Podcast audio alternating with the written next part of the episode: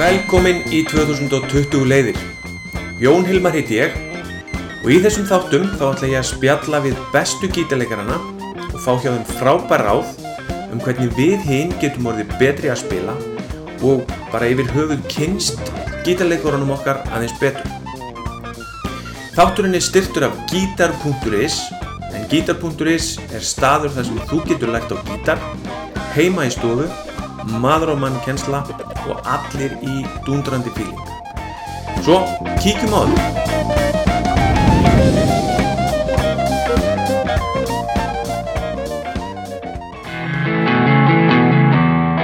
Kjartan Baldursson hefur verið að gera ótrúlega spennandi hluti á YouTube og Instagram. Hann er nýbúinn að gefa út lag sem við heyrum hérna undir. Tjekkað á honum, þú finnur hann sem K-Bald á Instagram og YouTube og Spotify. En ég tók smá viðtalið við hann. Heyrum í honum.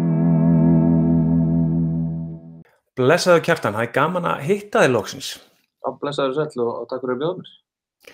Gott að þig í þáttinn og hérna, ég er nú búinn að vera að fylgjast með þér svolítið lengi og út að gera fullt af mjög spennandi hlutum sem að uh, ég hlaka til að spurja þig út í. Algjörlega. Uh, þú ert rosa aktífur á Instagram og, og hérna, ert með Patreon síðu og þetta eru hlutir sem að gítarleikarar á Íslandi eru ekkert að nýta sér nokkuð skapaðan hlut og þess vegna finnst mér mjög áhugavert að heyra svolítið bara byrja þar hvað þú ert að brasa í dag. Algjörlega. Um, já, þetta fer svo, kannski nokkur ára áttur í tíman, hvernig þetta byrjar. Um, sko, byrjaði á Instagram uh, að uh, posta svona reglulega, byrjaði ég rauninni bara í, í COVID í fyrra, sérst í februar og mars í fyrra, þannig að komið ár síðan. En hafði alveg verið að setja inn vídeo áður, en, en kannski ekki á sama metnaði og, og, og sama offorsi, sko. En hérna, og, búin að vera að fylgjast með fullt af spilurum að nenni sem er að gera góða hluti og oft verður maður að hugsa, ég getur alveg, alveg gert þetta. Og þú veist, þú kannast röglega við það sjálfur, maður sér spilarum að gera fáranlega góða hluti og maður er ekki hérna sjálfur og hugsa bara eitthvað, ég get alveg gert þetta. Og hérna, en sko, já, í rauninni byrjaði ég, ég bjóði til Englandi í mörg ár. Flutti aftur heim til Íslands fyrir um uh, tömur og hálfu ári og, og þegar ég bjóði í Englandi þá var ég mikið að kenna í gegnum Skype. Og hérna og sagt, þá var ég að vinna hjá agency sem heitir Your Guitar Academy og þeir eru með sitt svona online uh, með, með sinn online presence sagt, gegnum YouTube og Instagram og, og víðar og er rauninni sko sjá um alla auglýsingu og þeir fá svo nefnendur inn og, og sendur svo okkur kennarana þannig að ég bara vann heima og, og var að kenna í gegnum neti. En svo hérna gerist það fyrir, já, um þreymur árum að ég ákvaði að flytja heim til Ísland og sagði þess að skilið við þetta fyrirtæki sem ég voru að vinna hjá. Og, og þá svona, maður það með eitthvað, eitthvað að gera og var ekki komið með kennslutjóp, þannig ég ákvaði bara að fara á fullt á Instagram og hérna reyna að auglýsa eitthvað. En uh, tók bara upp á síma minn og þetta, þessi vídeo var ekkert nógu góð, sko, og þetta fór ekki neitt. En svo er ég svo heppinn að ég fekk hérna kennslutjópinn í Gítarskóla Íslands og svo er ég að kenna í tónlistaskóla Kópavóks líka. Að ég setti þetta bara svolítið til hliðar. Það var ekkert að spá meir í þessu en svona alltaf blunda í mér langaði til að hérna gera eitthvað svona online, búa til eitthvað og kannski þá ekki vera að kenna einn á einn heldur um þetta að vera að búa til efni sem svolítið sér um sig sjálft. Vera með þá okkur áskriftaleiðir eða eitthvað þannig. Uh, sko og, og hérna svo gerist þetta, já, og þegar COVID skellur á, þá svolítið svona bara, maður að hugsa, er er tíminn til að bara búa til eitthvað efni online, því að nú er allir á netinu og, og vilja komast í efni. Og erum ekki heima og fólk er kannski frekar að fara að æfa svo í ljóðfæri, þannig að þá byrjaði ég svolítið á þessu. Og hérna, bara þegar maður sá að hérna, þetta var ganga vel í fólkið, þá hérna, bara var það enda meiri kvartning til að halda áfram. Mm -hmm. Um, ég var í rauninni ekki með eitt sko akkurat plan, ég bara óða stað um, prófaði bara svolítið hvað virkaði Mm -hmm. Um, ég komist að því að því steyttir þessar vídeoan eru því hérna vinsætli eru þau því að náttúrulega fólk hefur takkmarkað þólumæði á og aðtikli á Instagram sérstaklega. Lengri vídeo gangar betur á YouTube en uh, þess vegna hef ég bara farið svolítið út í þetta að vera að posta stundum líkum þannig að þess að svo við vitum allir gítarleikar að vilja lík, við viljum allir fleiri lík og ég man þetta sjálfur þegar ég var yngri og, og endan dag í dag, maður er endalust alltaf að leita sér nýjum hugmyndum og nýjum líkum og, og, hérna, og það hefur svona verið grunnurinn að uh, þessum vexti sem hefur orðið undanfærið ár. Akkurat, já, það hérna, uh, það er hérna, bara, hvað var það sem að startaði, af því að Instagram reikningurinn fór svona svolítið á flög allt í einu, fannst manni?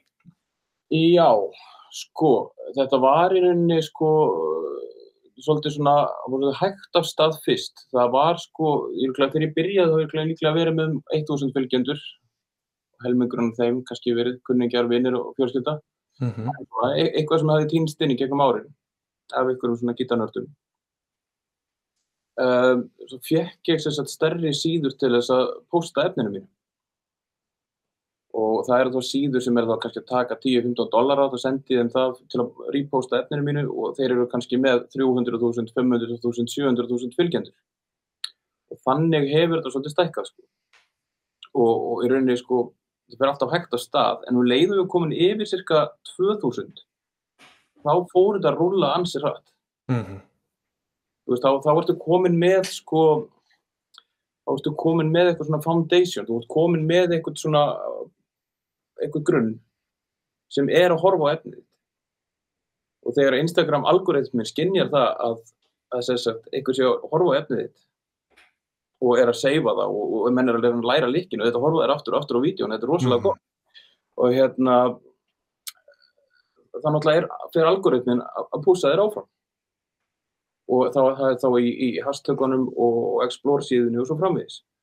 Og hérna og þannig voru það virkilega stað rauninni sko hver einasti póstu sem ég sett inn kannski einu sinni tvísar í viku til að byrja með svo fór ég stundum að gera þrísar í viku er að ná, þótt ég hafi kannski verið með á þeim tíma 10, 15 og svo 20.000 fylgjendur þá sá ég það að, að sko þetta voru kannski 60, 70.000 sem voru að sjá pósta. Mm -hmm. af því að algoritmin er aðýta þess út. Og þetta er náttúrulega mikla pælingar á, á, á, á baku þetta sko. En algoritma, ég er búin að liggja yfir nokkrum hérna gúrúunum á YouTube sem útskýra þetta. Þannig að veist, galdurinn er alltaf bara fyrst og fremst að vera með sko base, fylgi sem er engaging. Þannig að þú veist, maður myndi aldrei mæla með því að fólk, sumir hafa dóttið þá grifið að kaupa sér fylgjendur eða ef ná sér í fylgi með einhverjum leiðum það eðilegur aðgangin vegna þess að sko þú ert komið með, segju kaupið húsins fylgjendur, þá ertu bara komið húsins fylgjendur sem er ekkert að fylgjast með þér. Algoritminn hugsa, það er eitthvað skrítið í gangi þarna og, og þá fellur, fellur þetta alltaf sjálfsig sko. Nákvæmlega, það skiptir svo miklu máli að hafa eh, eitthvað sem hlustar á því sem langar að hlusta á því, það er ekki bara það að hafa einhvern. Nei, akkur það, það Þú ert að búa til efni fyrir gítarleikara þú ert ekki að búa til efni fyrir einhvern annan Það er bara akkurat það, finna, finna rétt að krátið. Uh, svo hefur þetta svona, er þetta líka svona skipta mellir landa, hvað hva, hva er þetta vinsalt, þetta er mjög vinsalt í bandaríkanum Uh, Söður Amerika kemur rosalega sterkinn, mikið, með mikið fylgi hérna, Brasilíu, Argentínu, Peru, Chile, Mexiko. Hvernig sérðu þetta að vaksa og hvað hva, hvað átt eftir að gera fyrir því í framtíðinni? Vist, ég bara veit ekki, þetta er bara að gera svo hratt mm -hmm. og, og ég svona, hérna, sá þetta aldrei fyrir mér að þetta myndi gera svona hratt og, og, og hérna, en það sem ég langar náttúrulega til að gera er að kannski þetta er lengri tíma að minga við mig sko einn á einn kjænslu sem ég er að gera sérst, full time með þessu og búin að gera mjög langa tíma. Sem er náttúrulega mjög gaman en, en, en eins og þeir vita sem hafa verið að kenna einn og þetta getur náttúrulega verið mjög þreytandi til lengdar að vinna þetta svo fulla vinnu. Og, og þetta hefur maður alltaf langað kannski til að vera að spila meira og, og gera eitthvað svona meira on the side. En sko bara að vera með vera með þetta fylgi getur náttúrulega hjálpa mér á svo marga leiðir sem núna var ég ekki út lagt til dæmis. Og það þarf að hjálpa mér að sagt, ná til hlustenda. Og ég er náttúrulega komist að því að auðvitað eru flestir að fylgja mér vegna þess að vilja læra mér. Er, er ekki að fylgja mér vegna þess að sko, það langar endur að hlusta tónlistunum mína. En þetta, þetta er svolítið aðskilið. Og, og maður ma náttúrulega átt að segja því að, að, að sko til dæmis að vera með hljómsveit og reyna að vaksa á svona miðlum, Þa, það er erfitt það er einu eitt einsetning sko, sem, a, sem að er grunnurinn að öllu sem ég geri og það er bring them value Mm -hmm. Þú veist, ef þú ert hljómsveit og segir hérna, við vorum að gefa út lag, meina, fólk er bara, já, ok. Ég meina, það eru fullt af hljómsveit sem að gefa út lag, hvað er sem sérstakt við þetta lag? Þú verður að bjóða fólki eitthvað svo það, svo, til að fá það inn. Og, og, og hérna, þetta er sagt, um, mæli með að fólk tekki á hérna breskum gaur sem heitir Damien Keys. Þekkir hann? Ég er með hann á, ég á púslistanum hjá hann, var Já, hann já. að rekast á, ég, já, akkurat. Þetta er algjör snillíkur. Hann hérna, var í býr í Brighton eða hvort hann fluttur til Ameríku. Uh, og ég sérst bjóð í Brighton líka, en ég þekki hann ekki, en ég þekki mikið af samheilu fólki. Og þessi gaur er, sko, eh, bara fyrir alla unga tónlistamenn, unga sem aldna, bara sem langar til að gera eitthvað og taka kannski ferilinu upp á næsta level, að þá myndi ég segja hlustið á Damien Keys. Hann er ótrúlega. Hann er með YouTube-vídeó vi- vikulega sem hann fer yfir allt samfélagsmiðlana, Spotify bara hvernig maður á að bera sig sem tónlistamæður, hvernig maður ekki að bera sig þú veist, bara, bara allt Akkurat. hann hefur skrifað tvær bækur líka sem eru mjög aðgengilegar og, og, og, og þægilegar þannig að ég tekið margt á honum Nákvæmlega. Þetta er ótrúlega spennandi og það eru, það eru svo ótrúlega mörg tækifæri sem við gítarleikarar eða tónlistamenn erum ekki að nýta okkur. algjörlega, Þú veist, eins og þetta bara að, að, að gera það sem þú ert að gera og það er mjög spennandi. ég held líka sko að þú veist, ég er náttúrulega komið það heim sko um, þá hefði ég búið úti í sjö ár og hefði verið að kenna og, og, og spila en ég var svona ekki að spila kannski akkur giggi sem ég langaði til að spila. Þetta voru bara, þú veist, ballgig, pöppagig og, og svoleiðis. Og ég svona, mér langaði, langaði að flytja heim og ég sá að margir vinir mínir þetta heim og voru að gera spennandi hluti. Um, en ég ákveði að flytja heim og, og kem alltaf bara heim og er búin að vera úti svo lengi. Ég er rauninni búin að missa svolítið mikið svona ég dotti svolítið út. Þannig að svona, ma- mann vantaði eitthvað að gera sko fyrir utan það, þú er búin að vera svo lengi burtu að mér er líka alveg sama hvað þetta myndi finnast sko. þetta, það, það er það sem hefur örugglega stoppað inn í gamla daga bara, nei, þetta, nei, maður getur ekki verið að tróða sér eitthvað svona, þetta er kannski aðeins svo mikið, af, af hverju ég, af hverju, en þú veist, það eru svona 20-30 gítarleikur í Ísland sem er betri en ég, af hverju ég að vera að tróða mér Nákvæmlega. það er þessi hugsun, sko, en Akkurat. skiptir ekkert máli hver er bestur, það skiptir máli bara, ef maður langar til að gera eitthvað, að gera það bara og annarkoð fíla fólk eða fílar það ekki og bara, Í, í rauninni er þetta bara þannig að uh, þú ert ekkert dómbær um það hvað fólki finnst. nei, að við getum ekkert verið að raða okkur eitthvað í, veist, í röð eftir bestu gítarleikurunum og hvað við ættum að vera að gera út frá því. nákvæmlega, Svo að það eru, eins og ég segi, það er fullt fullt af tækifærum sem að, hérna, sem eru það núti fyrir hvert sem er til að grípa. Mér var svo gott, gott það sem þú sagðir áðan með, þegar þú byrjaðir, þú vissir ekkert hvað að vera að fara út í, þú bara lést vaða. já, ég let bara vaða. Það, ég, ég er alveg algjörlega sammála því. Mér finnst lang best ef ég ætla að fara að gera eitthvað að auðlýsa það fyrst, Já, bara segja, heyrðu, ég verð þarna og ég ætla að gera þetta, kannski aldrei gert það áður, já, já, og svo bara ferði að pæli það, því að þá er komin pressa á þig og þá verður þú bara að gjöra svo vel og gera þetta eins og maður. algjörlega. Það er nefnilega akkurat það og ég er enda að þessu sko. Þess að núna er ég byrjað með sko, byrjaði um senstu helgi með svona livestream fyrir sem sagt, þá sem erum inn á Patreon hjá mér. Aldrei gert svona aður. Þú veist ekki hvað ég var að gera en þetta gekk ótrúlega vel. Sko. Þetta, þetta er að stíga út úr komfortzónun. Ég er hérna bara að hlusta eitthvað podcast þetta daginn, ég man ekki. Bara, þú, hvað er mikilvægt að hérna bara að maður vill vaksa. Þú veist, fyrir nokkur málum ég bara hugsað, "Nei, ég get ekkert fara að, veist, tala við kameru, ég get ekkert fara þú veist, það bara, þetta var var ekki mitt comfort zone. Mhm. Það er comfort zone að setja, setja mig gítar, ég vil ekki syngja, ég vil, þú veist, bara mitt comfort zone er gítarinn, en, en, en, en til þess að geta tekið það sem þú ert að gera lengra, þá verður maður einhvern veginn að taka skrefið út og, og gera eitthvað sem að maður er kannski mögulega hrættu við, eða, eða svona utan comfort zone. Það er þessi algjörlega málið. Algjörlega, ég er, ég er svo samanlegar og ég þurfti, að þú talaði nú um að syngja ég þurfti nú einmitt að stíga það skref mjög harkalega sko. Já, Þú veist, það er svo erfitt. Ef þú ert, ef þú ert búin að telja því sjálfum trúum að þú getur ekki sungið, þá algjörlega, er þetta bara það mest ókveikjandi í heiminum.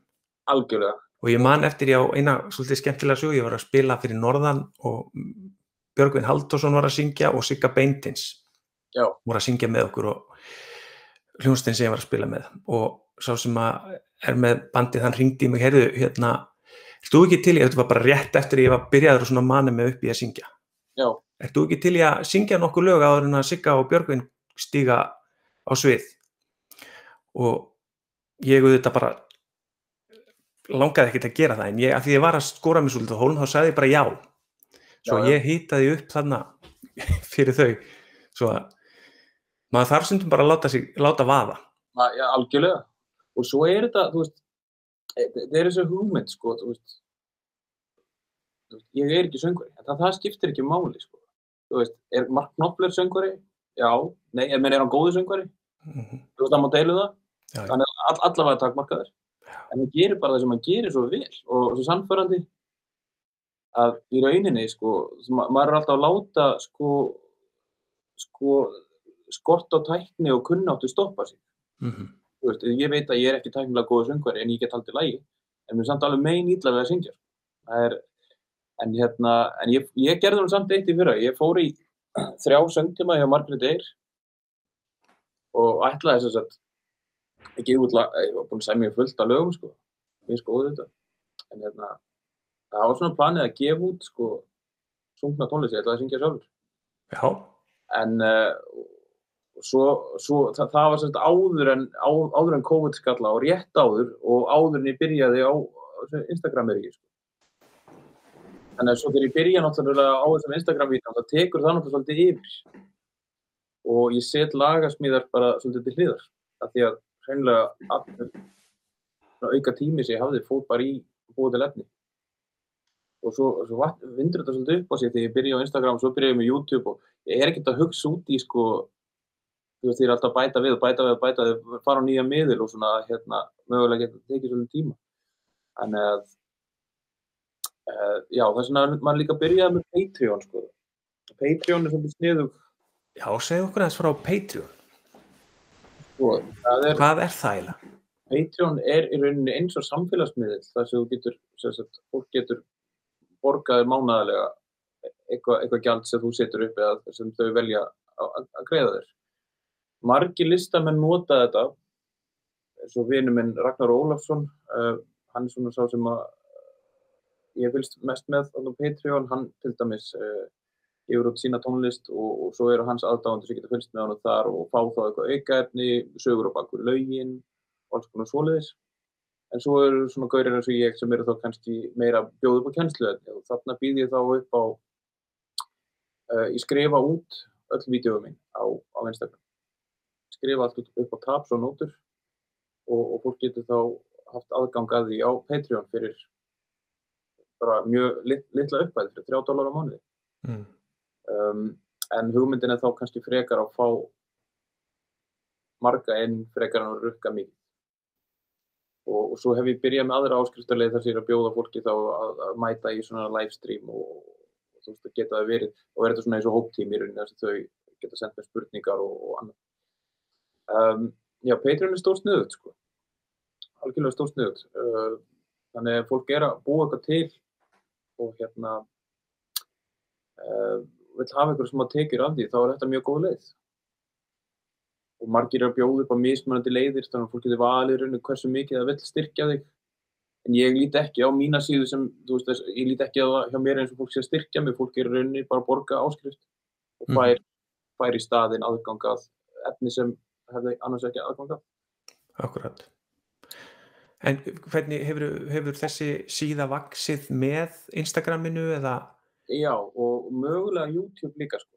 YouTube, YouTube ég, ég, sagt, það er annað sem er bara að vaksa mjög hratt líka. Ég byrjaði með YouTube á svona fyrir um, bara átta mánuð eða eitthvað svoleiðis. Fór mjög hægt að stað. En uh, svo var það bara eitt vídeo sem var til þess að setti vídeoinn þá var ég með kannski 250 subscribers sem höfðu allir komið af Instagram í rauninni mm -hmm.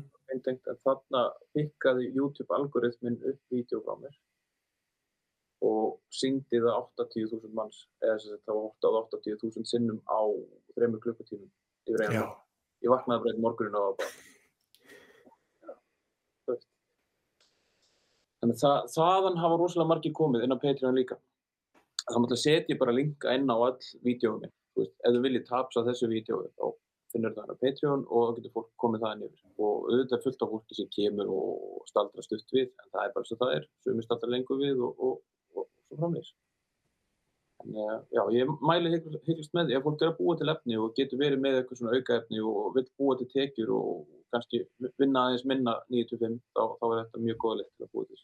búa til Mhm. mark. nákvæmlega. Þetta er, þetta er ótrúlega spennandi. Um, ef við bökkum aðeins, þú ert að vestan er það ekki? Jú, ég er, ég er frá Nýstal. Já. Það eru margir góði gítarleikara frá vestfjörðum. Já, og bara tónlistamenn. Þetta er, ég veit ekki alveg hvað, hvað það er, en sko, sko þegar ég er að alast þetta upp, þá er hérna aðalhjósitinn sko Urmull, Stefán, gítarleikari, sko, maður leita alveg upp til hans, er enn, sko, ótrúlegur, sko, Hmm. magnaði gítarleikari og hérna, svo Haldur Gunnar, fjallabróðir og, og margir, margir, margir fleiri, sko, og hérna bara, og það er rosalega góður tónlistaskóli á Ísafjörði. Ég veit ekki hvort það er tónlistaskólan að þakka að rock og, og pop senan sé svona öflug, ég held og það var með gítakennara sem er á austan, Friðrik Friðrik Lúðvíksson Já. frá Egilstöðum Mm.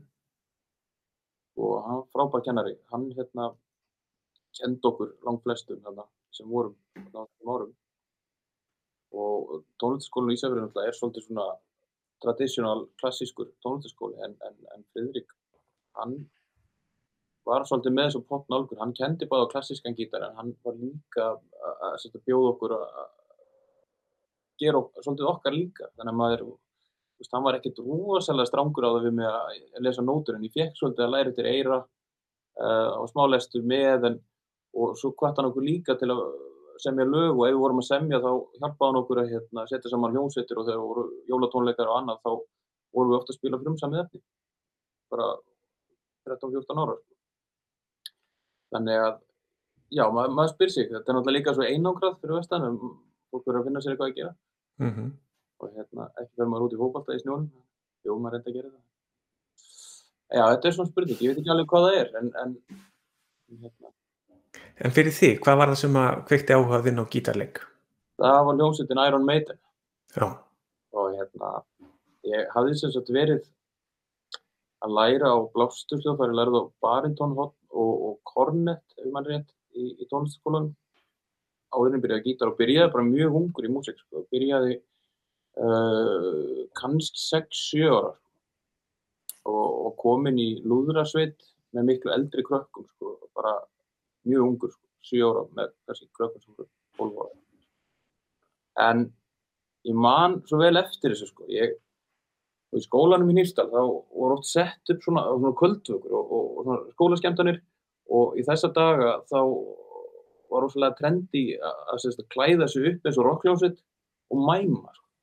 og eldri strákandi voru svolítið í þessu. Voru, svolítið, set, voru basically settu bara lag á fóninu og voru að mæma upp á hljómsveitinu þessu og þarna voru strákar sem mæmuðu sko The Final Countdown með Europe. Og ég hafði aldrei verið neitt í rocki, þú veist, alltaf áhugaðt músík en rocki ekkert sérstaklega, ég erum að tala um ég er sjö ára eitthvað svoleiðis.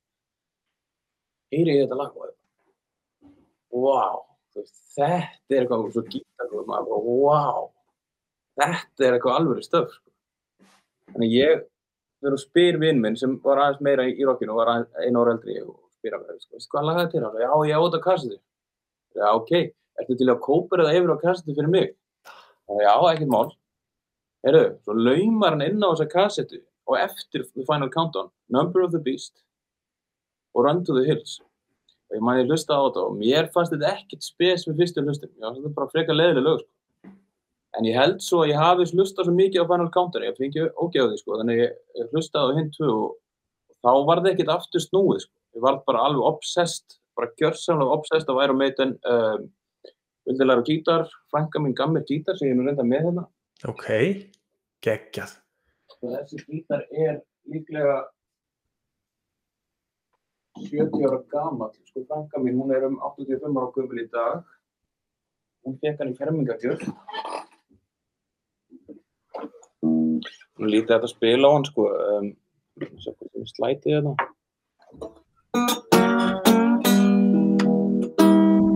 Þetta er Stella gítar. Hann hérna, sko, blúsararnir í gamla daga, þeir spiluðu mikið á Stella. Þetta voru svona Já, ok. frá, frá hérna New Jersey. Led Belly og Robert Johnson og, og fleiri hafi átt Stella gítar. Ok, svo þetta er alveg gítar.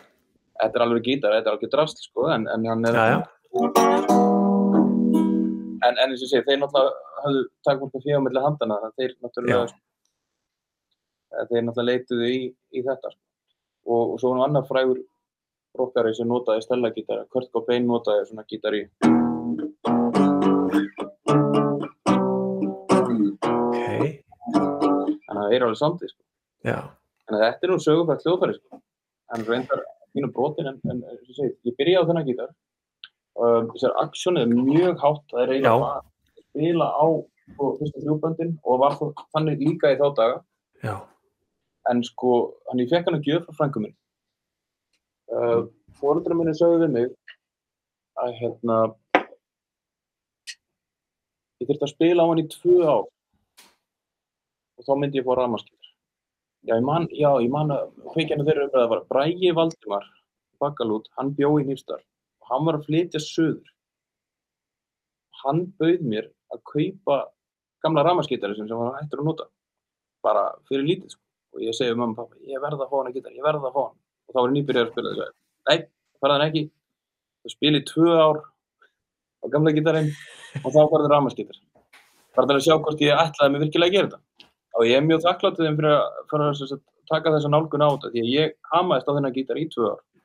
Og svo mætti pappi heim með rafmaskýtar og magnara ok. þegar ég ára. Þannig að, og það var sko Lion frá Osborne. Ég vinn selja gítar þarna í early 90s. Akkurat. Geggjað að eiga fyrsta gítarinn sinn. Það er það, já, ég vil að passa svolítið vel upp á þennan, Hvað var það sem þú spilaðar á þennan gítar? Hvað læriður á þennan gítar? Hvað lærði ég á þennan gítar? Um, Manstu hvað þú varst að hamast á þegar þú varst að... já, sko, ég lærði náttúrulega, sko, fyrstu grepin. Fyrstu grepin lærði ég úr gítarbók, hvað var það, hver var það sem var skrifaði, hvort það var Eithor Þorláksson eða eitthvað svoleiðis.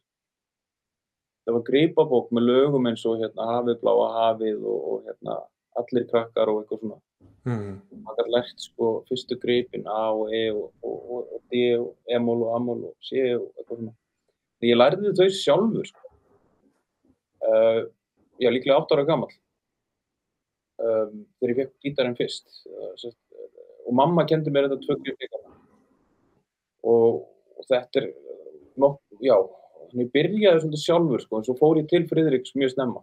Kannski búin að vera að glamra í nokkra mánuði þegar ég, ég fæði að koma til Friðriks og hann náttúrulega segir við mig já, fingrasetninginu út um allt eða við erum að skoða þetta eins að hann tók nú allt sem ég var búin að læra og, og kendi mér það upp á nýtt það var mjög gott en uh, já, hann er líklega hef ég bara verið að strömma svona þessi helstu grip og, og svona þessi Friðrik var að kenna mér í byrjun.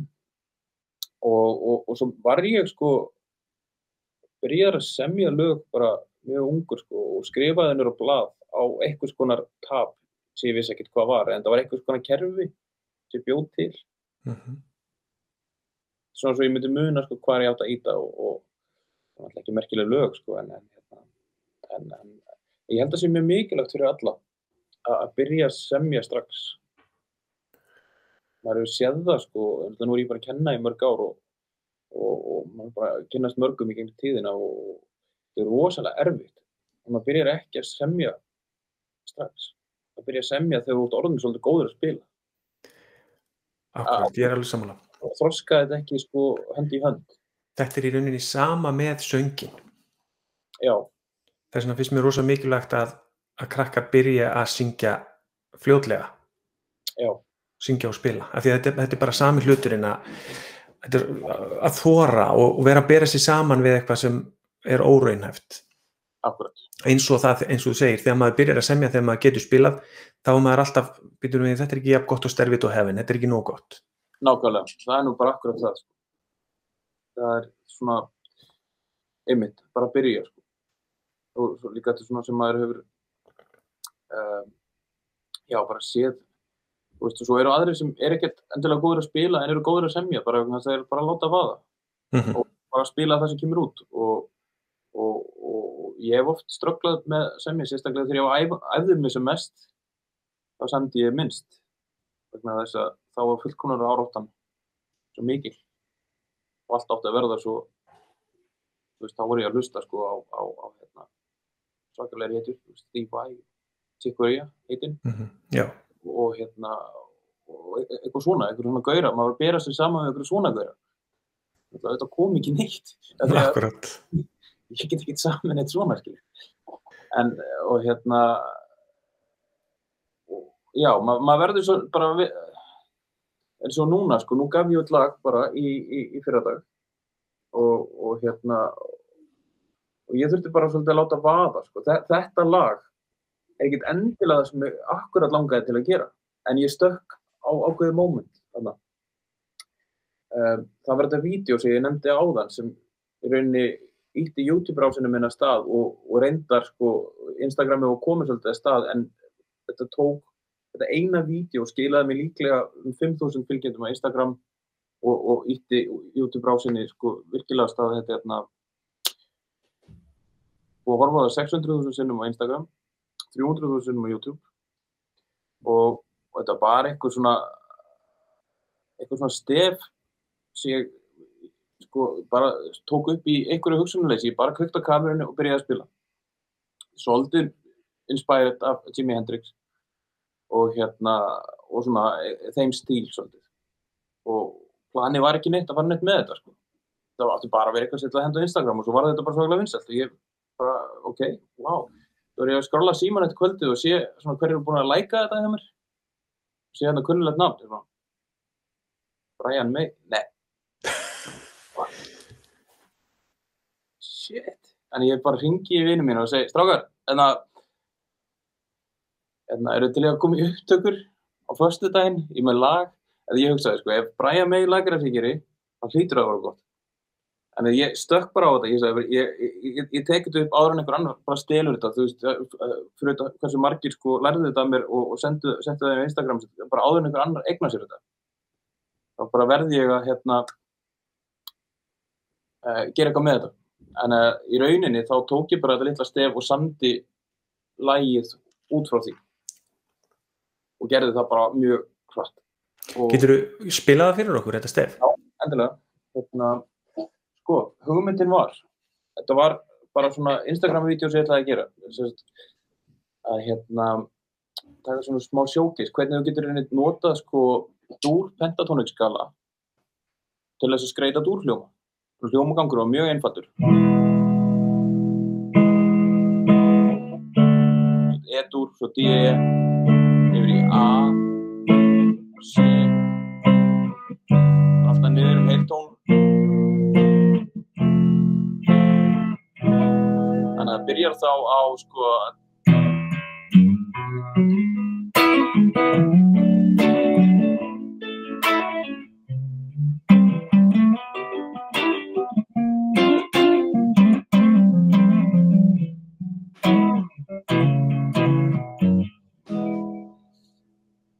og þetta virkar kannski mjög flóknara en það er. En svona er ég bara raun og að temja mér að spila dúrljóma erum alltaf með uh, dúr pentatónikskalan en ef ég er með getúrljóm hérna þá er ég alltaf með þessa fingersettingu hér.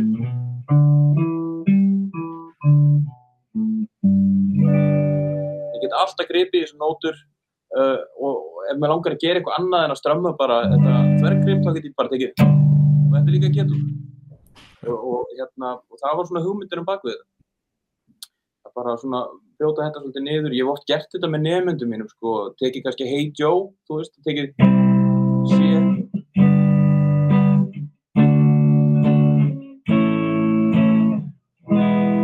og gert það bara aðeins einfaldar og tekið þú bara yfir séð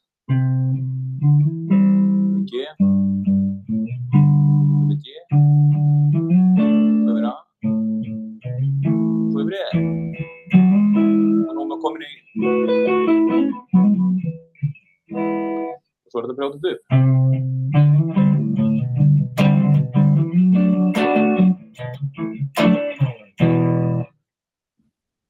Þetta var svona pælingin svolítið. Akkurat. Gerist þetta oft uh, þegar þú semur að þú ert bara að nútla eitthvað á gítarinn með uh, upptöku í gangi og pikkar upp einhverjar hugmyndir það? Já, já, þetta voru mikið sko, ef ég er að semja, sko ég sem mjög mikið en kemur rosalega litlu frá mér. Þannig að ég klára ekki hugmyndina mín. En, en sko það, það sem ég bý til, það kemur allt upp úr einhverju núðli og oftast kemur það sko þegar ég sest niður og, og pikka gítarinn. Bara ég sest niður og pikka gítarinn og byrja að gera eitthvað, þá er það yfirleitt alltaf það besta. Mm -hmm. Og svo byrjaði maður að reyna að taka sko, já, þetta er svolítið svona mindset dæmi sko, því að og svo byrjaði ég átt að, þetta er alltaf einfalt, ég var að flækja þetta eitthvað svo enda með að maður bara eðilegur sko. Þetta er svona, maður verður einhvern veginn að læra að ég veit það ekki, þetta er, þetta er eilíða baráta og, og hérna, eitthvað sem ég alltaf að berjast við en mér finnst ég samt vera orðin betri í þessu að þekkja þegar á hausinn á mér er að fara of langt frá uppásreit Akkurat.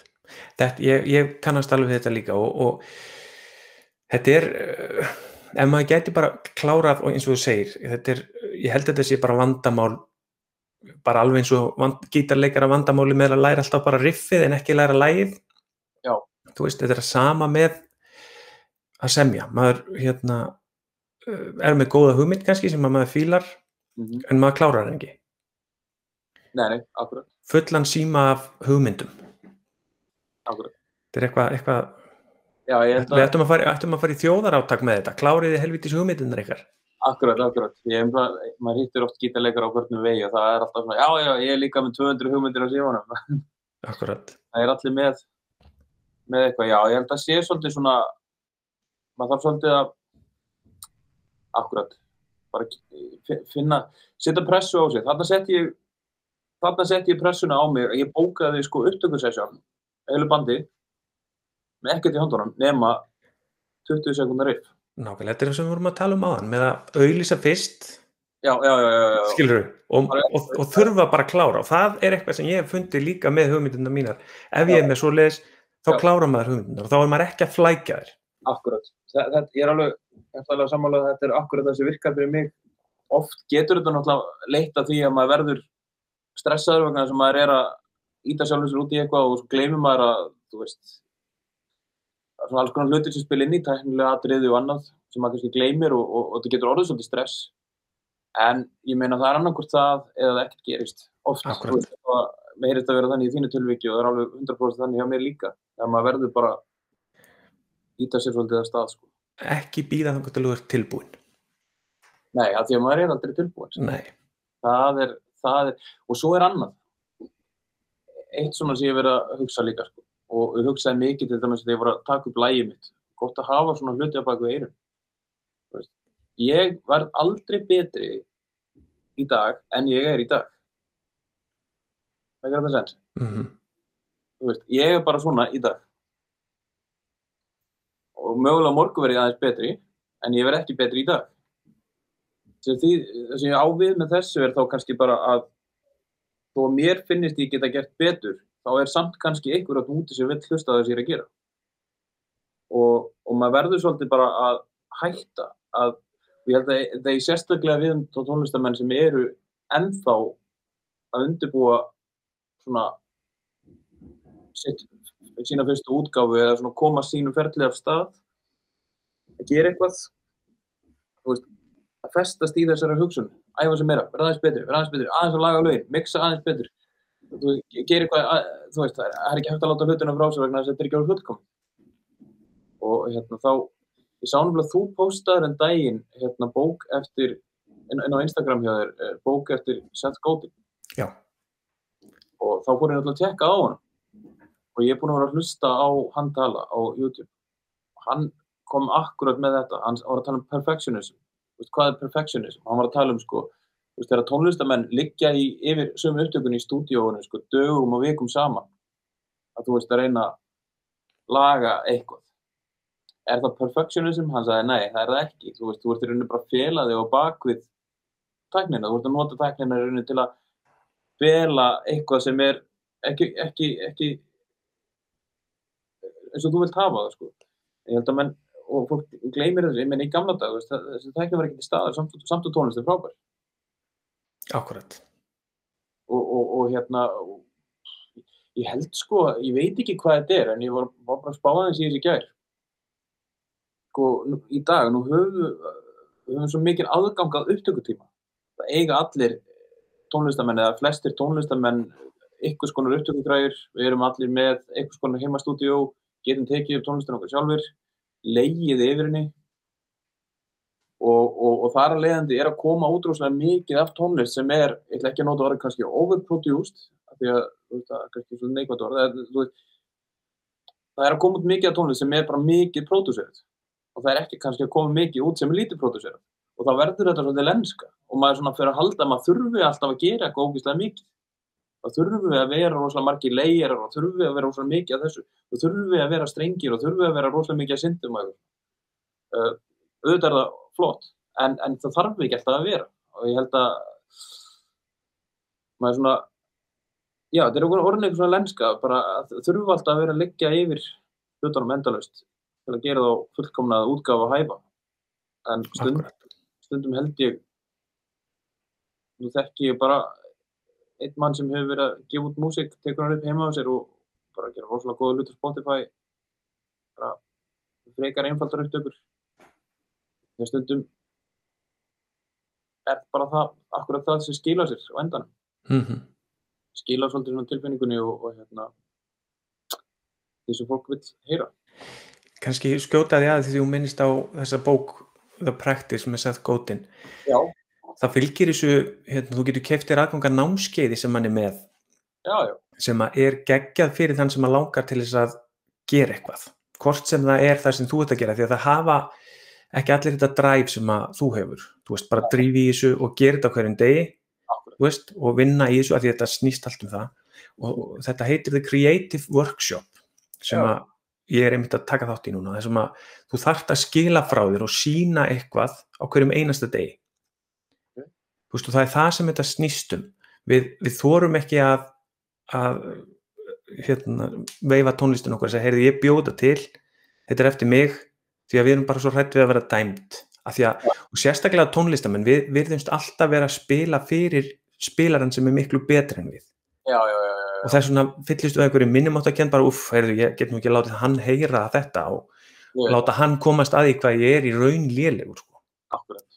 Þetta, þetta, er, þetta er alveg horrið og, og, og bara allir að díla við þetta sko, e- einhvern hátt. Um, já og svo, svo svona er þetta svona já, maður, maður akkurat þetta er, þetta er svona þetta er svo mikið í haustum á manni bara koma hlutunum frá sér Nákvæmlega. Þetta er, þetta er skemmtilegt, við gaman að þessum er. Hérna, uh, ef við förum aðeins spólum tilbaka, þú varst með uh, gítarinn sem þú fjagst í frænguðinni og, og, og við förum svona í bara að því að þarna varst að byrja. Hvernig, hvernig á maður að byrja að spila á gítar? Hvað er það sem þú leggur upp með fyrir þann sem er að byrja að spila á gítar? sko, ég mæli með því að fólk hefur tök á því að, að fá sér kennara allavega til að byrja með veist, það, hafa margir komist langt á þess að fá sér kennara og það, það er engin ein leið rétt í þessu en, en það sem ég hef náttúrulega séð rosalega mikið sjálfur bara í mínu starfi sem gítakennari er að ég fæ til mín marga sem hafa reynd að byrja sjálfur til dæmis á netinu. Uh, þeir stranda náttúrulega á því að það er enginn til staðar til þess að sko, segja þeim til. Það er upplýsingarnir til staðar hvað þú átt að gera en það er enginn að segja þér sko að segja þér, já þú ætti að íta hérna upp á bandinu til þess að nota verið skýr og, þú ætti að nota þriðjafingur hérna svo getur verið með fyrstafingur hér og svo framvegis uh, og bara svona beiting hvernig á halda gítarnum svona hlutir en ég myndi heiklast mæla með því að fólk myndi finna sér góðan kennara, allavega bara svona til að koma sér að stað Þa, það held ég, en svo er náttúrulega sko hafsjóra upplýsingum út um allt á netinu sem fólk getur nýtt sér. Svo það var í svona það helsta sko. En um, og svo bara gera eitthvað sem að mann finnst skemmtilegt sko. Þú veist, er- sérstaklega maður komin að staðu, þú veist, þegar ég fæ nefnendur, ég læt flesta sko gera það sama, ég tek yfirleitt alla í gegnum sama svona pakkan svona til að byrja með, sömu æfingarnar, svolítið sömu lögin. Og svo þegar hún komin svolítið að stað þá fer ég oft og sýni þeim sko eitthvað efni sem að henda svolítið þeirra tónlistarsmekk, þá leifi þeim koma með lög alveg sama hvað það er, þótt það sé, sé kannski gítarmúsík, þá getur maður alltaf hérna útferta fyrir gítar. En eh, já, það er kannski bara helst þetta tvent, bara fá góðan grunn og, og, og bara reyna að hafa svolítið gaman að þessu. Mm Það, Akkurat. Ég er alveg samanlega með þetta. Er, að fá sér kennara skiptir ótrúlega miklu máli. Því að líka eins og þú segir, margir hafa komist langt á því að hafa engan kennara já, já, en það eru svo miklu, miklu, miklu fleiri sem hafa gefist upp af því að þeir hafa engan kennara Já. og eru fastir á sama stað. Akkurat. Svona sérstaklega í byrjun. Og, og þú veist, ég er alveg bara all for sko allt svona sjálfsnám því ég sko sjálfur bara verið bara með verið að læra blötum og, og DFT-diskum og, að fá þess spólum og veit ekki hvað og hvað og, og lærði bara fáránlega mikið þannig. En svo oft þá endaði ég vegg og, og fór þá til kennara og ég verið með gegnum tíðina marga marga gitakennara um, ég veit ekki alveg töluna en, en þeir hafa verið margir. En alltaf svona hef, hef ég sko farið til gitakennara verið svo einn eitthvað, lenda á vegg það til annars kennara. Og, og, og svo framvegis. Þannig ég, það er svona ein leið. En, en og, og svo líka bara muna það að þú veist, þó að sé náttúrulega gott að fara til kennara og læra svona grunninn í byrjun svona þegar maður er komin að stað það er ekkert eitthvað, e- eitt rétt í þessu. Þú veist það er, það er svo margar aðferðið til að búa til tónlist og gera tónlist og, og, og manni hefur oft fundist svolítið sko uh, sko við búum á svo litlu landi. Og það voru ég að tala kannski um fyrir lengra komna þessar tónlistanám að mér er oft þótt að mætti vera kannski aðeins að opna uh, og er mögulega að opnast aðeins í dag en oft hefur þetta, eins og í gamla dag þá var þetta svolítið valið á milli þess að fyrir jazz og klassik og ekkert þar á milli. Og, og, og nú bjóðum við í Englandi í mörg ár og, og þar getur fólk farið í svona contemporary skóla og lært og fer þá og lærir bara poptónlist og, og, og lærir svona sitt lítið að hverju þá kannski ekki eins mikill fókus sko á á tækni og teóri og maður sá það alveg, ég var að spila með mörgum spilur sem kom úr svona skólum. Tækni og, og teóri og kunnáttan var ekkert upp á tíu. En þeir voru svona all round músikanta, þá, þá var þeim kent sko eh, production, þeim var kent music business og allt svona inn í þessu sko veist, kannski þetta svolítið vanta og mögulega er þetta að breytast eitthvað í dag en, en, svona en allavega þegar ég var að læra þá, þá var fókusin bara á það að, að, að, verða topp spilari sko. Mm -hmm. og, og þetta ekki maður margar sem koma svo út úr tónlistanámi og eru topp spilarar en það vantar, vantar allt kunni ekki að taka upp pródusera eða hérna eða, eða, eða markasetja sig. Þannig að hérna svona ágætt að svona, hafa það í huga, reyna, reyna er, er mjög mikilvægt, sérstaklega í dag svona fyrir það sem er að byrja að spila líka kannski ágætt að nefna það, það er mjög mikilvægt að geta unnið músíkina, búið til tónlist í tölvu, geta, geta tekið upp, geta pródusera, þetta er orðið svo stór partur af því að vera tónlistamæður í dag Akkurat, þetta er líka orðið svo einfalt, þú veist, þú getur þú getur klárað lag í dag og hendi bara á Spotify á morgun og allt klárt. Akkurat, ég tók mér er, sjálfur bara já, hérna, já, alveg hygglust akkurat, þetta er, þetta er bara orðið svo lítið mál. Og þetta er líka, þetta er eins með uh, háskólanám í dag. Í rauninni, eins og þú ert að lýsa. Þú veist, það útskrifast einhver úr, úr háskóla og svo stendur hann upp og réttur upp höndi, hey, hvað, ætlar enginn að ráða mig í vinnu? Já, það er, ein, það er engum kent að býtu, þú getur gert þetta sjálfur. Ef að námið þetta er alvöru þá, bara, þá ertu með öll tækin í höndunum til þess að skapa það sem þú þarfst að gera. Nákvæmlega, nákvæmlega. Þa, það var einmitt það, ég fór sjálfur í sko, háskólanám fyrir tefnum tíu árum síðan út í London, það var svona ástæði fyrir ég flutt út. Einn tíma fór og lærði sko hljóðupptöku í London og, og, og þar var einmitt fyrsta árið, sko, þetta voru tvö ár og fyrsta árið var bara algjör fókus á sérst hljóð og upptöku og, og teguríun á bakvið það allt saman. Uh, og annað árið það var bara skriftir og, og þá uh, bara skrifa ríkgerðir og, og reyni að sko, koma hugmyndunum einum á blad og kunna að setja hugmynduna einar á blad. Þetta, þetta hjálpa mér alveg ótrúlega mikið. Sko. Uh, en á samanskap við útskrifaðist ég náttúrulega og það beigð mín engin vinna sko. Það, það var engin að leita að upptökumennum í London þegar ég útskrifaðist. Það var, það var engin, engin leið að fá vinnu í ykkur stúdiói sko. Þessum margir skólafélag minni gerði þeir útskrifuðist og, og fóru að vinna frítt og unnu sér hægt og rólega inn í kveikmyndabransan, inn í einhver jobb sko. En svona það var ekki alveg fyrir mig á þeim tíma. Eftir ég bara hafði ekki tökkaði. En hérna, en já, það, það var líka sko inn í náminu, þar var sko eitt, eitt verkefni var, þú veist, okkur var kent að starta business. Þú veist, business, uh, já, búa, búa til lítið fyrirtæki og, og svona hlutir. Þetta hjálpa mann rosalega mikið og, og þetta áttar maður sér ekki því fyrir mörgu setna hvað það hjálpa mann mikið, þú veist, eins og ég er að gera núna, að búa til svona personal brand í rauninni. Um, þannig að það hjálpaði alveg potið, sko, en, en, en, en vinnan, hún, hún, hún, hún beigði ekkert eftir manni, sko. Nei, nei. Þarf, og það, þetta á eftir að aukast enn meira, að maður þarf bara að sjá um þetta sjálfur, maður þarf að framkvæma það sem maður er að, að hugsa og framkvæma hérna, svona verkefni. Koma sér á framfæri sjálfur. Akkurat Já, og það er, það er bara akkurat það. Og hérna, svo ég segi sko svona en, ein ástæðan fyrir að ég byrjaði á þessu var að ég kom til Íslands fyrir, já, verða þreymar ára síðan.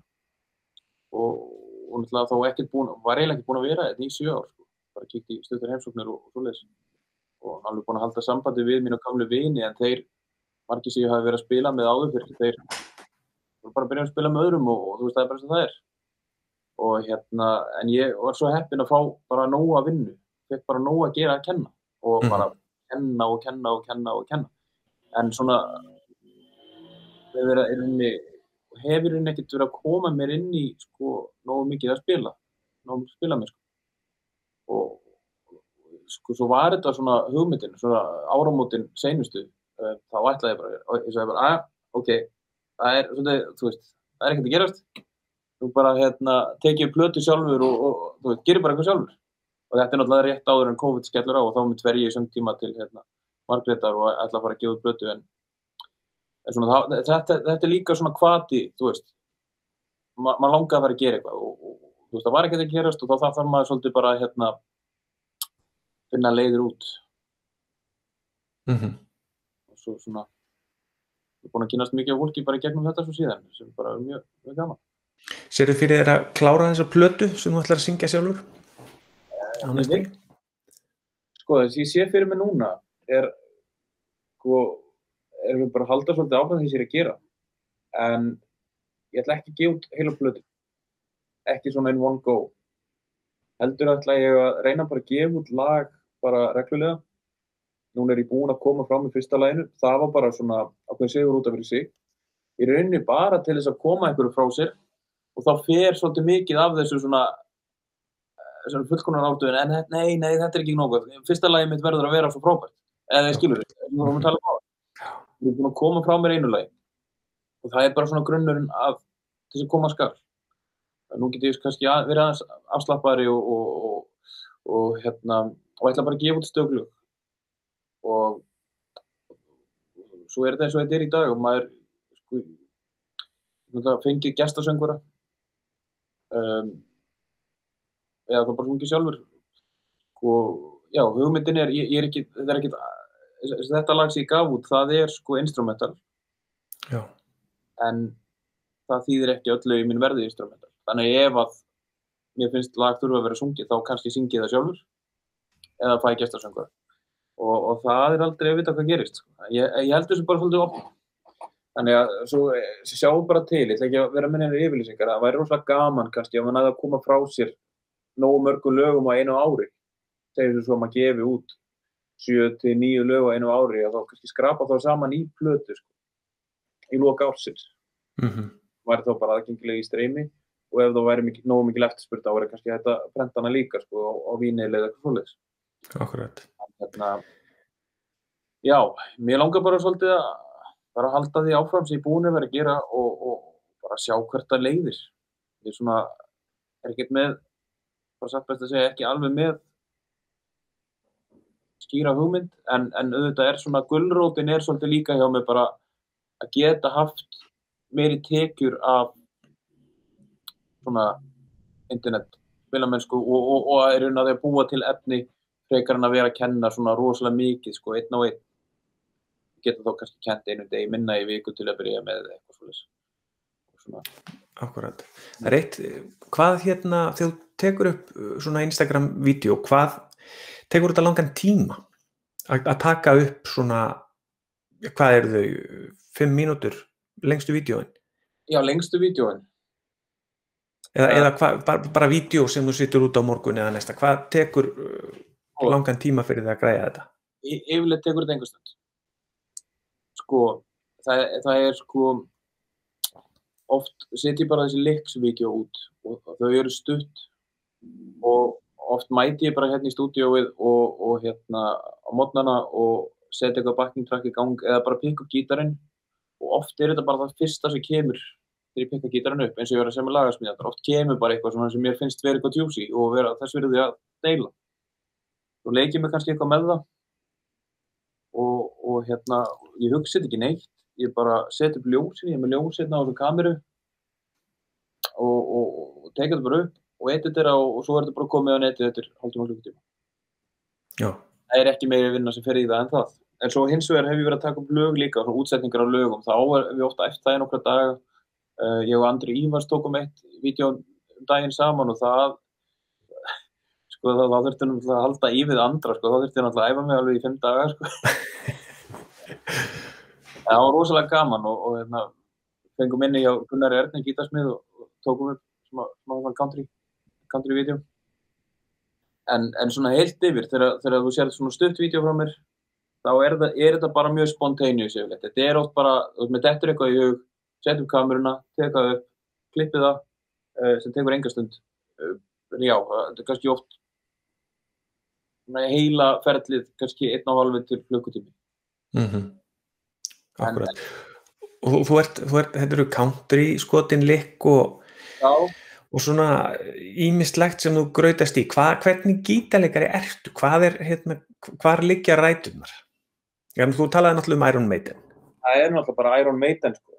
og, og sko, ég veit ekki og svo náttúrulega kom, sko, er ég úlningur þarna mitt og late 90's sko, það er hérna Nirvana, náttúrulega hún sterkir inn og Smashing Pumpkins og, og hérna Soundgarden um, og svona sko en uh, það var svona það sem ég var mikið að spila í þá daga og svo þegar ég var 17 átinn og þá er ég byrjað að spila böllum og þá veist lærði maður bara þetta klassíska ballprogram sem allir spila. Og, og hérna og svo kannski svona upp á tvítu og sko það, já það í rauninu byrja ég ekki að æfa mig eins og maður fyrir í orðin svona 21 tveggjára þú veist, ég fór í FIH þegar ég var 16 ára sko og á einhverjum raungum, þú veist, ég áttaði mig ekki á því sko hvernig skólið þetta væri, mér langaði að fara að læra gítar en ég áttaði mig ekki á því hvað þetta væri jazzmiðað sko. mm. og ég náttúrulega hafði engan áhuga jazz í þá, bara, bara engan sko. og þannig að það fór ekki neitt sko, þannig að þá hætti ég bara og, og, og fer svo aftur sko nokkrum áru setna og, og þá aðeins svona dottir inn í þá músík og fann að átta með þess betur á þessu og, og þá náttúrulega fara hlutinni svolítið á mér. Þetta tekið eitt ári FIH hjá sko Þorði Átna. Um, þannig að já, ég dætt svolítið inn í e, jazzin sko, tók bara eitt ári, svo var ég bara í sko, ég held að árin sko, frá því að ég var 21 til 25 ára spilaði ég ekkert einasta gegn. Ég var bara heima að efa. Já. Og bara allan daginn. Sko. Ég byrjaði að kenna sko þannig að ég er sko 22 ára, fæ ég kennslutjófinn hérna í gítarskólanum. Þannig að sko ég varð gjörsamlega obsessed af því að æfa og æfði mig bara allan daginn sko. og bara fram á kvöld og hljómsveitaði okkur á kvöldin og... en þetta skilaði sér náttúrulega í því voru hljómsveit líka og, og hérna og með strákur sem voru í svipiðum hugleðingum en þetta endaði í sko bara algjöri sko svona perfectionism svona geðviki sko það, endaði með því að koma ekkert af því að þetta átt að verða svo flott. Og, og hljómsveitin sem vorum í við æfðum og æfðum og æfðum og æfðum og fullt af efni en á endan þá bara uh, brunum við út í rauninni. Spiluðu nokkuð gegga en, en það var, var í rauninni ekkert meira. Og, og ég sjálfur svona í kringum sko já þegar ég var svona late 20s þá er ég svolítið bara að missa áhugan á gítar Já. Bara eiginlega alveg sko. þá er þetta bara búið að vera of mikið og, og hérna fullkomnar áratan orðin sem mikil að maður komið sér ekki alveg frá sér og að því maður ekki komið sér frá sér þá var ekkert reward. Og, og þá hérna svona einhvern veginn koðan þetta bara svolítið niður. Ég ákveð það samt sko ekki henda músik frá mér. Ég var, að, ég var að kenna á fullu og var alveg að gigga og, og svona, en, en svona ástríðan sem ég hafði haft á, árum áður, hún var, hún var ekki til staður en ég ákveði að fara út til London og, og læra hljóðutöku þannig að þá vera þá allavega í einhverju músiktengdu en bara gera eitthvað nýtt. Fá nýja fá nýja sín á hlutina. En það er það sem ég gerir sko, og, og fer út og, og þess að tók það alveg nokkur ár alveg nokkur ár byrjaði að kenna sko aftur nokkur ára setna þá sko þá kemur svolítið áhugin aftur og af svolítið miklu krafti sko. Okay. eftir, að hafa fjarlagst veist, allt þetta að vera að æfa sig og, og vera svona obsessiv spilari svona, já, eftir fjarlagst þá fór ég svona að nálgast hlutina allt öðruvísi. Og æfi mig þar að segja, þar að leiðandi sko allt öðruvísi líka. Svo í dag, ég siti ekki við taktmælunum og er að æfa æfingar, ég æfi ekki skala. Bara aldrei.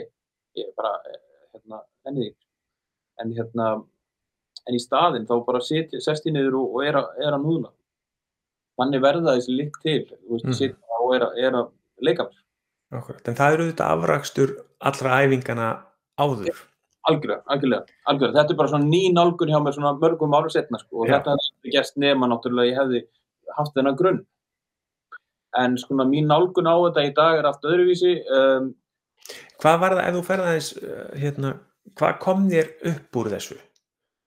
byrjar að kenna byrjar, bara, byrjar þá bara að nálgast gítarinn bara á annan hátt eða var eitthvað eitt sem að það er náttúrulega eitt, er náttúrulega eitt aðrið sko, sem uh, skiptir miklu miklu sköpum bara í mínu lífi sko, og það er þegar ég hætti að drekka. Mm -hmm. hætti að drekka sko, fyrir tæmum þreymur árum. Um, og það svona breytti í rauninni bara öllu í rauninni. Þú veist, bara sínan á lífið og, og, og hérna og svona maður fór svona að hafa meira trú á sjálfum sér og, og sem maður var að gera og, og, og hérna fyrir auðvitað allan tíman og, peningana sem spurðist en hérna það hafði mjög mikil áhrif á, á hérna, það sem ég verið að gera senastu ár.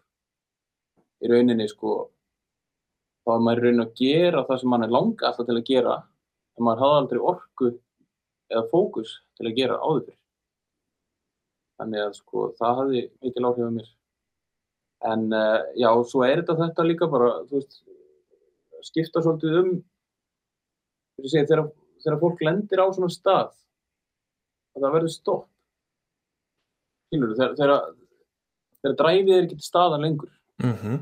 samt að halda áfram að gera það sem það gera þá held ég að maður verður bara að skipta um gýr reyna að skipta um nálgun á hlutina og eitthvað nátt en það sé Alveg samanlæðir og það, þetta er það sem mjög margir held ég díla við bara þeir eru að læra á gítar og þeir eru bara að gera eitthvað yfir leitt sko.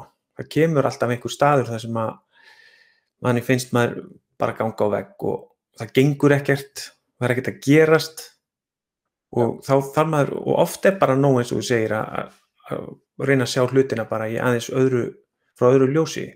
Algjörlega, algjörlega. Því að sko í gamla dag þá sko, þess að ég segi, þegar maður er að hlusta á eitthvað svona fusion sem er áráðlega flókið, þá finnst mann sko eins og maður getur ekki gefin eitt frá sér með maður sé svona flókið og flott. En, en eins og heyrir allt sem ég geði í dag er bara mjög einfalt. Þú veist, í grunninn, bara mjög einfalt músík. Og, og hérna núna nýtið er bara miklu betur að spila bara músík sem er einfalt og gera eitthvað flott við það og og hérna, ég held að það sé bara algjörlega málið, bara e, ef það er það sem fólk fílar, ég meina ef fólk er í komfortzónu eða líður vel og finnst gaman að gera eitthvað svona flóknara mér um að gera en, hérna, en ég svona, fann mig aftur einhvern veginn í einfaldara hlutum, meira svona blues og, og, og country miðuðu efni. Mm -hmm. Akkurat, þetta er, þetta er áhugavert, við erum búin að fara yfir ímislegt skemmtilegt og ja. við getum mörgulega haldið áfram hérna, eitthvað fram eftir degi Alkjörlega. og við tökum þetta nú kannski upp einhvern tíma síðar en ég held að þetta sé bara við séum orðinir helviti góður og svona í lokin hvað hvernig eru næstu mánuðir hjá þér? Næstu mánuðir, það er það er góð spurning það er bara, eins og ég segi, bara svolítið að halda áfram í þessu sama þannig að það er full kennsla, maður er að kenna í tveim tónlistaskólum fundaði vikunum og hérna já, bara halda áfram að setja inn efnið inn á Instagramið og YouTubeið og, og, og svo þetta Spotify líka. Ég hlaka til að fylgjast með. Bara takk fyrir spjallið. Bara takk fyrir spjallið, bara virkilega gaman að fá að koma í þátti